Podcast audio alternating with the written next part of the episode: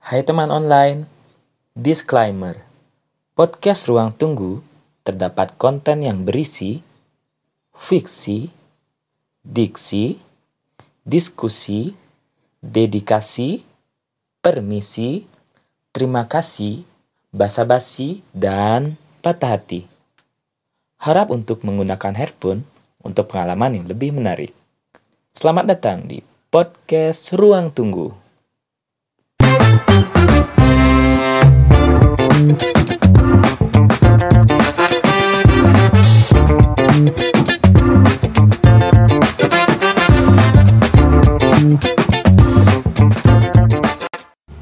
selamat malam. Ah, tepatnya selamat sore buat kalian-kalian semua. So, balik lagi sama aku, aku Dwik dari podcast Ruang Tunggu. Ya, sekarang aku sendiri aja. Karena kebetulan dua partnerku, Gusde dan Gale, dia sedang sibuk.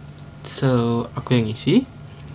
Dan kali ini karena kebetulan tepatnya beberapa hari eh seminggu kurang lebih beberapa minggu yang lalu atau kurang lebih 10 hari ya 10 sampai 15 hari so um, sebelum lanjut ke sana gitu eh, maksudnya aku sempat keluar sama mantanku jadi ini nyambung sama topiknya tapi kali ini aku mau ngomongin tentang temenan sama mantan. Sebelum kita lanjut topiknya ini kita aku, aku lanjutin ke pembicaraannya. Kalian semua pernah sih eh, enggak bukan itu sih. Em, lebih tepatnya kalian menganggap kalian nih, aku nanya nih ke kalian ya. Kalian pernah nggak sih ber beranggapan bahwa atau gimana sih tanggapan kalian mengenai berteman dengan mantan? Apakah kalian adalah orang yang ketika kalian putus kalian musuhan aja dan segala tentang dia kamu buang dari barang nomor line WA sosial media kalian hapus semua. Kalian sampai blok segala macam. Atau kalian adalah orang yang setelah putus masih temenan. Dan barang yang pemberian dari mantan pun kalian masih tetap simpan sampai sekarang. Even kalian bahkan kalian udah punya pacar sekalipun yang baru dan kalian masih tetap simpan barangnya itu. Apa kalian apakah kalian termasuk salah satu dari orang tersebut? Ataukah kalian yang oh termasuk orang yang ketika kalian putus kalian menganggap bahwa dia itu mantan itu bukan siapa-siapamu lagi? Kayak gitu. Jadi kayak rasa aku nggak kenal aku sama gak dia. Bahkan lebih jelek daripada kamu sekedar musuhan gitu. Kalau musuhan kamu masih mungkin inget gitu. Cuman kamu bakalan sebut oh dia mantanku. Pokoknya kok seneng sama dia. Apakah kamu termasuk orang yang em, bener-bener nganggep kalau ketika dia mantan bener-bener gak ada gitu loh? Apakah kalian termasuk dari ketiga ketiga eh, yang kesebutin tadi? Atau gimana kalian bisa kirim aja langsung. Atau nggak kalian coret-coret aja DM di Instagram kita di @podcast ruang tunggu dan juga buat kalian yang mungkin punya kesamaan atau relate relatable sama cerita yang aku bakalan bawain ini kalian bisa coret-coret aja di email. Dan kemungkinan kita bakalan angkat jika jika jika ada yang nge- nge-email ke kita. So tanpa basa-basi kita langsung aja. Cerita ini berawal awalnya awalnya awalnya ciri, awalnya itu dimulai dari kataku tadi 15 hari kurang lebih 15 10 sampai 15 hari yang lalu. Di sana eh, tepatnya sore sore sore sore dia tiba-tiba chat aku Eh, nama nickname IG ku kan aku duit so dia kayak manggil manggil itu lewat via DM dia bilang kamu duit gitu. Kalau aku kan dia jadinya nyebut dirinya sendiri gitu kan. Maksudku kamu duit itu ya sebut dia nyebut ke aku gitu. Dengan maksud nyeleneh gitu dengan gaya bercandaan. Terus aku ngomong kenapa? Dan bla bla bla bla bla chat chat chat chat dia bilang aku bilang terus terang kayak eh aku kangen nih serius maksudnya aku kangen nih. Terus dia bilang gini eh, kamu nge- kangen mulu ah gitu kan. Tapi aku kangen sih yuk keluar yuk. Gitu dia kan bilang gitu hah kangen? Eh keluar sorry sorry Eh, keluar ke mana? Aku pingin tuh keluar ke mana gitu yang tempat refreshing tapi lebih kayak tempat yang tenang jauh dari keramaian. Cuman ya tempatnya worth it lah buat buat kita refreshing. Samping itu juga aku pengen ngobrol banyak nih sama kamu. Gitu dia bilang kan. Oke aku mengiyakan hal tersebut. Lalu aku bilang kamu kapan mau ke sana? Em, setelah runding runding runding akhirnya kita nentuin eh dia nentuin ya kita sih kita nentuin buat ketemu keesokan harinya. Keesokan harinya itu di pagi hari. Jadi berangkat karena tempatnya tuh lumayan jauh lumayan jauh. Butuh waktu sekitar dua setengah jam dua setengah jam dua jam dua setengah jam gitulah terus di samping itu juga untuk menghalangi untuk eh, mensiasati biar nggak kena macet. Jadi kalau di Bali kan sekarang biarpun pandemi gini ya macetnya rame pak. Sumpah. Kalian gimana ya? Eh, percaya nggak percaya kalau di Bali itu biarpun pandemi pandemi kayak gini tempat wisatanya itu masih masih yang yang ke, kayak kebuka gitu ya yang secara umum sudah dilegalkan kebuka dengan protokol yang ada. Rame pak. Pak anjay. Rame banget serius. Kalian eh, kalau datang ke Bali mungkin ngerasa kayak nggak ada pandemi sama sekali. Dan banyak juga orang-orang Bali yang tidak percaya dengan adanya pandemi. Dan banyak dari nggak nggak sedikit pun bilang bahwa pandemi ini hanya rumor. Pandemi ini hanya buatan dari maksudnya suatu opini yang dibawa yang dibesar-besarkan dari suatu negara dengan pertujuan tertentu. Dan ya udah lah ya gitu ya. Kita jangan terlalu ke sana gitu kan. Gak enak juga. Toh juga kita nggak ada berfik eh, kita nggak ada mau nyambungin ke sana. Back to topik lagi. Nah itu eh, kita sebut aja gitu. Tempatnya itu berada di daerah pegunungan. Yang mana eh, di sana banyak sekali pepohonan dengan pemandangan langsung ke danau gitu. Seorang kamu buat kamu yang orang-orang Bali mungkin kalian pernah atau mungkin tahu tempat itu di mana. Jadi itu semacam kebun kebun raya lah. Eh ada kesebut juga namanya. Goblok goblok. Jadi kita ke sana. Sampai sana eh dalam perjalanan sebenarnya. Jadi balik lagi. Pas dalam perjalanan ke sana aku banyak cerita dengan dia kayak biasa kan masuk masuk eh maksudnya eh, masuk mobil plek eh lu kenapa eh lu kenapa apa kabar? Baik lu gimana? Wah oh abis inilah inilah gitu kan. Lu kesah gitu. Karena kebetulan eh fun fact-nya aku sama dia nggak tahu kenapa dulu padahal kita em, rada renggang ya nggak pernah ngomong gitu dan perlu kalian tahu juga hubungan pada saat kita hubungan dulu dulu pada saat kita berhubungan masih punya hubungan konteksnya pacaran hubungan kita tuh toxic yang setoksik toksiknya nah, maksudnya toxic gitu toxic hubungan kita. Tapi setelah kita putus eh, emang sih dia lebih eh, lebih kecilan dari aku dari aku sekitar tiga tahunan. Tiga tahun tiga tahun dua tahun tiga tahunan lah ya. Tiga tahun empat em- antara tiga atau empat antara tiga tiga tahun empat tahun gitu di bawah aku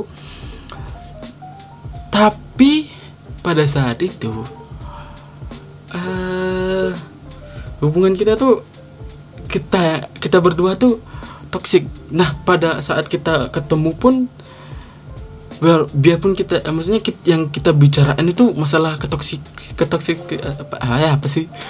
Ketoksikan dari hubungan kita pada pada saat itu. Terus terang biarpun kita keluar kita keluarnya banyak berdua nih ya aku sama dia mantanku ini.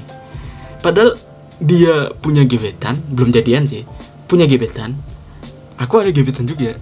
Cuman aku bilang ke gebetan aku ya aku keluar sama mantanku ya aku mau jalan-jalan doang. Gitu. Tapi biasa lah yang namanya cewek pasti ada cemburunya ya. Cuman eh, si yang nggak aku eh, sangka-sangka juga si mantanku ini juga ngasih tahu ke cowoknya eh ke gebetannya dia juga. Jadi singkat cerita udah dalam perjalanan awalnya aku nanya. Karena ngobrol-ngobrol-ngobrol-ngobrol masalah kenangan masa lalu gitu kan. Kenapa kenapa kamu kayak eh, maksudnya gimana kabar lu sekarang dan segala macamnya tiba-tiba nyeletuk aku ngomong gini eh kamu gimana nggak apa-apa kan ya? Mantak gebetanmu. Eh kamu gimana? Kamu sekarang udah gebetan? Gitu kan. Ah, sorry. Jadi awalnya aku nanya kamu gimana? Kamu udah ge- punya gebetan belum sekarang? Udah. Oh gitu? Sama dong. Aku juga udah. Gitu kan. Em, gebetanmu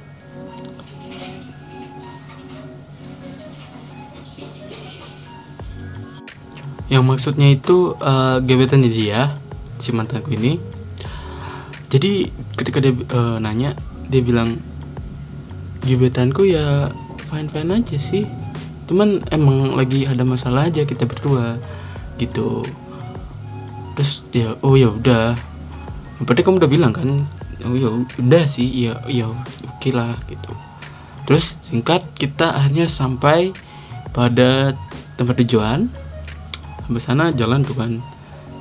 Itu karena kita terlihat seperti tampak eh, pasangan muda. Yang sebenarnya tidak sama sekali. Jadi ada satpam eh, di sana.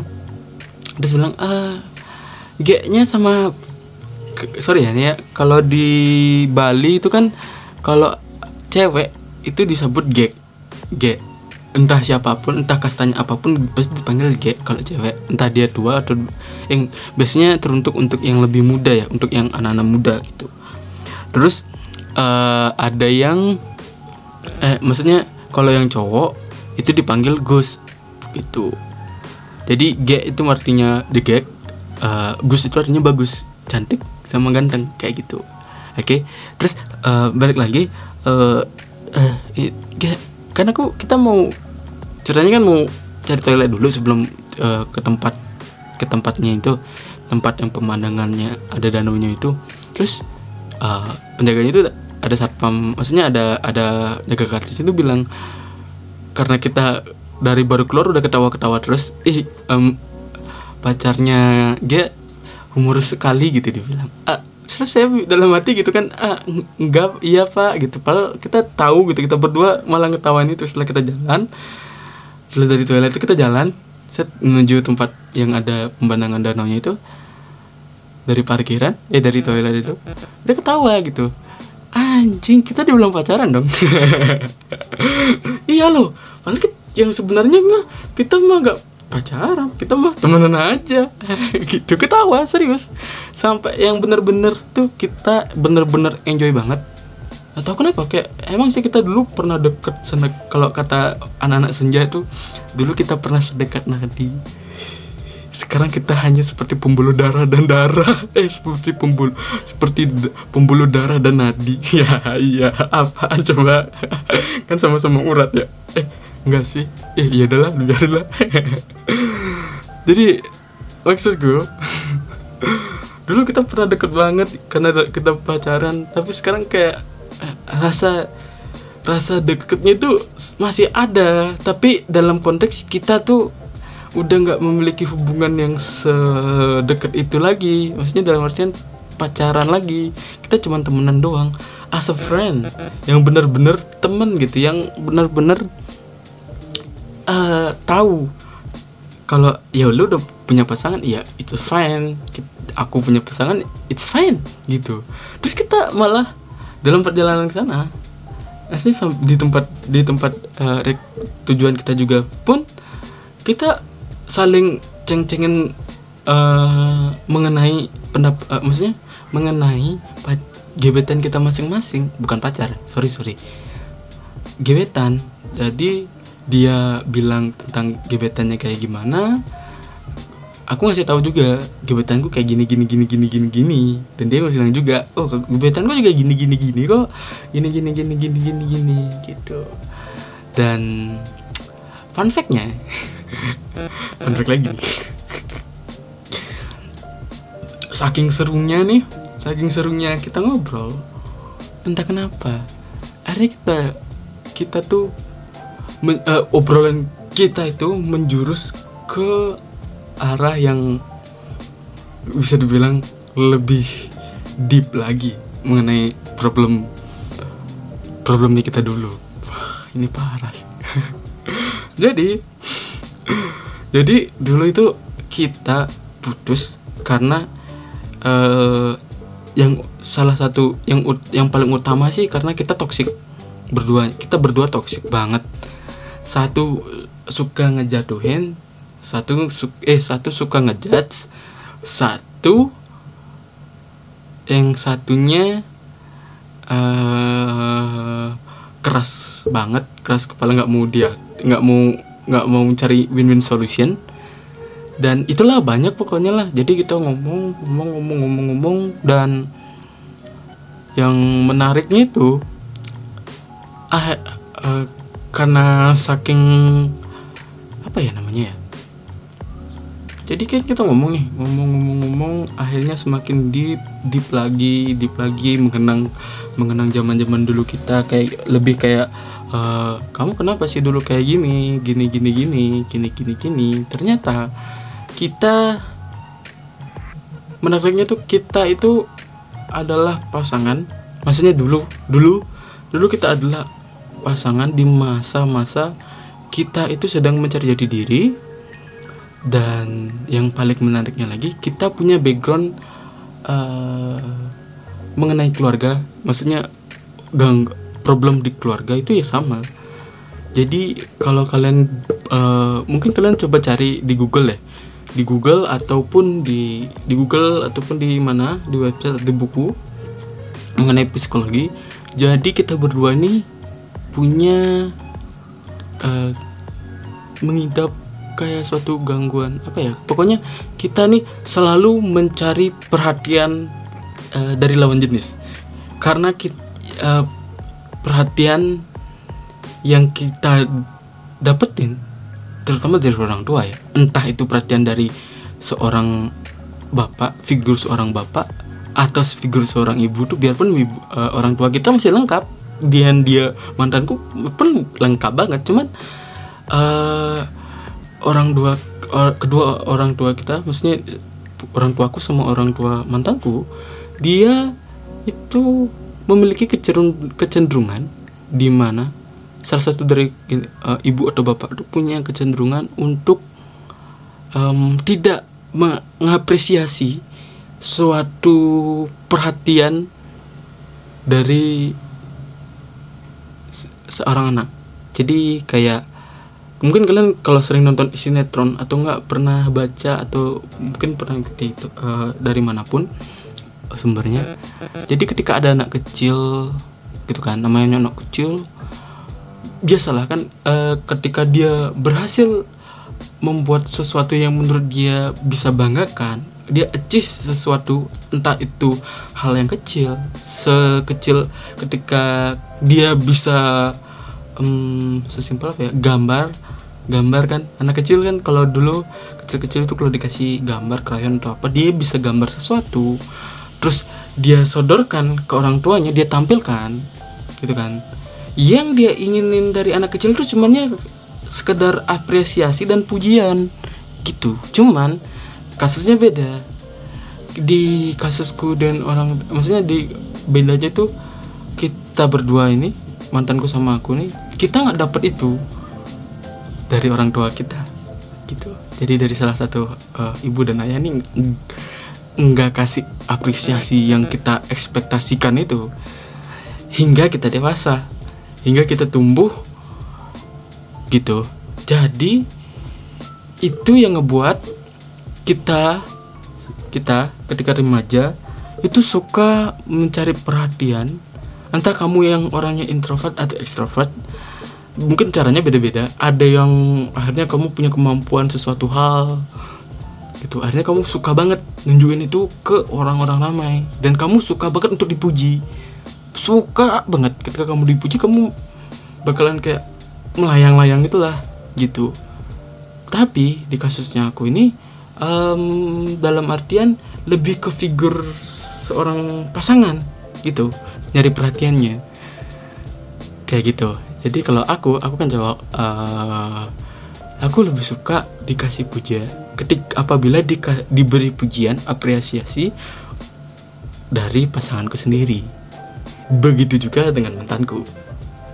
Nah pada saat kita menjalani hubungan bersama kita dengan dengan eh, apa namanya dengan masalah dengan problem yang sama terus bedanya aku sama dia dia itu adalah tipikal orang yang gak tahu caranya ngapresiasi suatu perhatian dari orang-orang.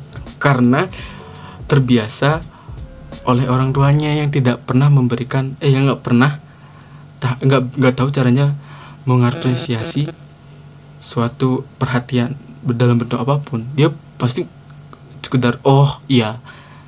Oh wajar. Kamu kan udah eh, misalnya kamu dapat juara satu ranking kelas gitu. Oh di ketika kamu bilang mak ayah aku dapat eh bapak aku dapat juara satu gitu di sekolah. Terus dia bilang orang tuanya itu mungkin bisa jawab dengan sesimpel kayak oh iya wajar. Kamu kan sekolah kamu kan udah belajar susah-susah. Ya wajar lah kamu dapat juara. Gitu. Kayak nggak ada apresiasinya sama sekali. Begitulah yang dia rasa dia yang dia pendam dan akhirnya menjadi kebiasaan. Dan itulah yang eh, terjadi eh, dan ketika kita berhubungan dalam pacaran di sisi ak- di sisi satu aku orangnya pengen cari perhatian dan di sisi dia dia juga sama. Tapi bedanya yang aku sebutin tadi dia bisa eh dia nggak bisa kasih eh, apresiasi sedangkan aku bisa tapi eh, cenderung untuk nggak begitu dalam artian gimana ya? Lebih belum bisa belum belum belum terbiasa untuk mengapresiasi suatu hal yang kecil gitu. Jadi kalau hal besar baru kayak oh iya aku kasih apresiasi teman kalau hal kecil malah aku nggak begitu bisa gitu dulu pada saat kita masih pacaran.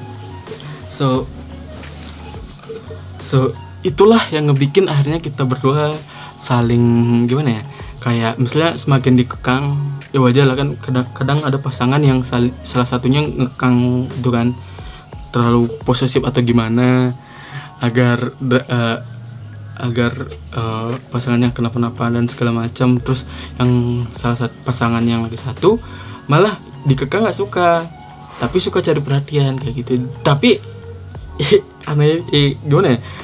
Kita berdua ini saling cari perhatian. Cuman susah dapetin namanya apresiasi perhatian tersebut gitu. Yang akhirnya yang awalnya kita pacaran tuh pantasnya ya. Maksudnya sepatutnya namanya orang pacaran pas komunikasi nomor satu dong. Komunikasi yang lancar yang baik gitu kan. Yang positif akan menghasilkan hubungan yang baik. Kayak gitu kan. Cuman pada saat itu saya denial serius aku jujur aku jujur dulu denial banget ketika ada orang lain bilang ah hubunganmu sebenarnya kurang baik loh dari segi hubungan maksudnya dari segi tertentu gitu hubungannya. Enggak kok gitu. Aku fan fan aja ngomong itu. Dengan lugasnya aku jawab seperti itu. Setelah saya sebesar maksudnya setelah berjalannya waktu hingga sekarang saya baru nyadar gitu. Dulu saya denial sekali anjing anjing. Dan begitu juga cewek eh, mantanku itu. Gitu. Nah ketika kita tahu ber- kita berdua tahu bahwa kita mempunyai latar belakang yang sama dengan problem yang sama gitu kan? Relate lah gitu. Kita kayak berasa kayak ah anjing. Rasa di dada itu kayak lega akhirnya gitu. Dengan dengan akhirnya kita tahu bahwa oh jadi ternyata eh, titik masalah yang kita hadapi dulu itu di titik bahwa kita uh, toxic karena kita kurang bisa memper, uh, mengapresiasi perhatian dari manta dari pasangan masing-masing kayak gitu. Sesimpel itu aja sesimpel kita muji ketika kamu dapat achievement yang biasa aja kayak uh, misalnya tiba-tiba kamu menang lotri atau enggak kamu uh, menang kuis itu kayak pujian tuh eh hebat deh selamat ya kayak gitu gak ada sama sekali serius. Gak ada dari kita berdua tuh gak ada. Aku apalagi dulu kurang bisa banget untuk ngasih uh, apresiasi itu pujian itu. Aduh sumpah.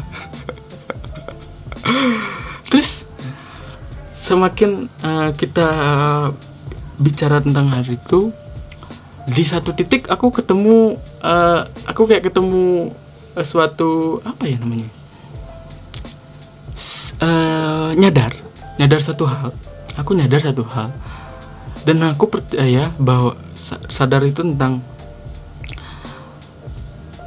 bahwa sebenarnya kita itu di de, uh, maksudnya manusia setiap manusia entah siapa pun uh, dari kalangan mana pun kaya tua dan segala macamnya ketika kamu punya problem yang sama dari keluarga entah apa pun itu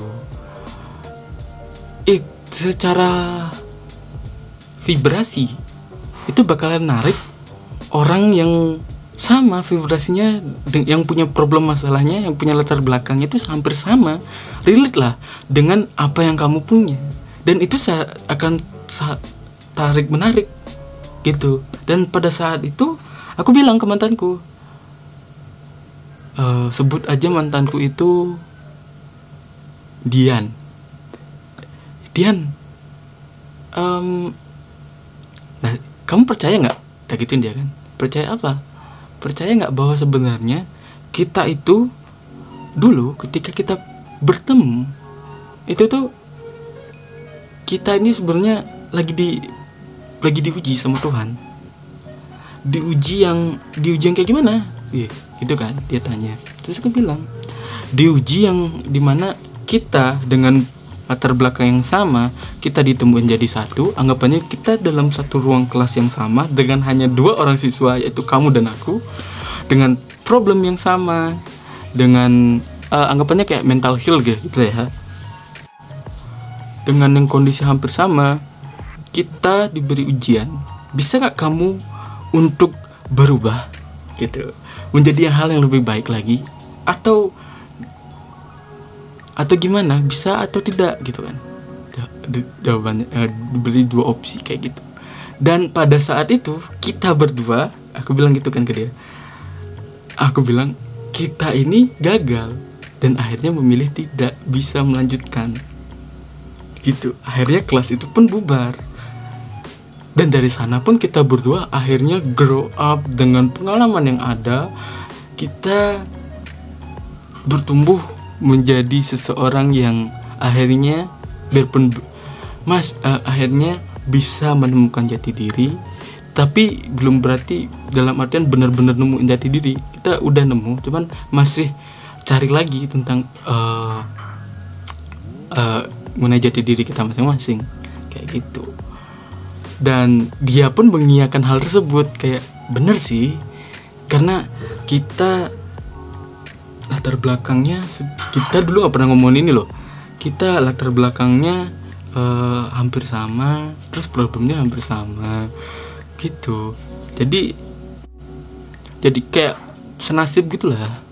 Terus um, ada satu hal lagi yang kita baru yang kita berdua baru sadari gitu. Setelah akhirnya kita setelah akhirnya kita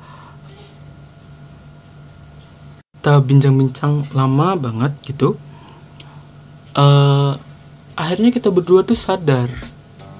Jadi dulu kenapa kita bisa maksudnya dulu kenapa kita putus maksudnya kita putus biarpun kita putusnya baik-baik gitu.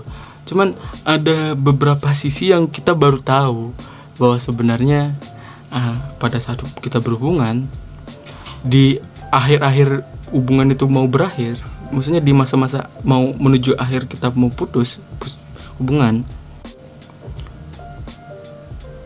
Sampai mana tadi? Em, sorry eh, berhubungan di masa-masa terakhir itu aku bilang ke dia bahwa aku karena saking gimana ya saking bingungnya aku maksudnya karena dulu aku punya problem di mana aku karena saking gak pedenya sama pribadianku sendiri akhirnya aku jadi punya uh, mental illness- yang namanya uh, topeng. Gitu. Jadi aku jadi orang lain tapi ketika berhubungan dengan uh, maksudnya pacaran dengan dia akhirnya itu jati diriku yang asli itu kayak semacam uh, terbuka akhirnya mulai kebuka gitu loh. Dan yang nyadarin tuh dia mantanku sendiri. Yang mana juga dia posisi itu pun sama gitu. Jadi kita saling kayak saling saling ngebukain jati diri masing-masing tapi nggak nyadar. Posisinya kayak masih denial gitu lah masih belum eh ini rasanya bukan aku deh kayak gitu. Rasanya aku tuh yang seperti ini kayak gitu. Dan akhirnya kita pun kayak eh, bukan nyesel sih jatuhnya tuh lebih kayak seneng seneng di posisi kayak makasih ya serius kalau enggak kita nggak ketemu kita nggak punya hubungan masih hubungan berhubungan baik sebagai teman sampai sekarang mungkin aku nggak tahu bakalan tahu bahwa sebenarnya kita itu adalah orang yang mengalami yang punya dan pernah mengalami sesuatu yang ya katakanlah mental illness gitu. Dan kita berdua pun kayak bersyukur dulu pernah ditemukan ditem, di bertemukan ya biarpun itu berjalan dengan toksik hubungan itu. Cuman kita kayak bersyukur aja. Bersyukur bahwa bahwa dengan kita bertemu kita nih tumbuh dan akhirnya tahu bahwa sebenarnya kita ini punya jati diri seperti apa. Gitu. kita berdua ini punya jati diri yang yang sebenarnya. Kalau kita jujur kita bakalan tetap bertahan sampai sekarang hubungannya pasangannya. Seperti itu. So cukup sekian rasanya. Sudah cukup lama juga curhat-curhatnya kali ini. Ya biarpun sendiri dan suara ada suara-suara ah, yang aneh-aneh gitu kan di luar. Karena kebetulan ini aku taping nih sore hari dan kebetulan eh, tetangga-tetangga sebelah lagi pada aktifnya ya bun. Hiperaktif lah gitu namanya kan ini aja kedengaran masih kedengaran suara-suara air gerimcik gemericik gitu loh. So kita aku tutup aja eh, untuk podcast kali ini episode kali ini. Dan jangan lupa sekali lagi nih aku tekanin buat kalian semua buat kalian yang punya saran dan kritik untuk podcast kita di eh, di di di episode mana pun kalian bisa kirim kirim saran dan kritik dan juga cerita kalian di eh, lewat DM Instagram kita langsung ataupun di via email. Di podcast eh, di Instagram kita namanya podcast ruang tunggu at podcast ruang tunggu ada adnya dan dan email kita di ruang tunggu 28 at gmail.com so sekian aku Dwik. Bye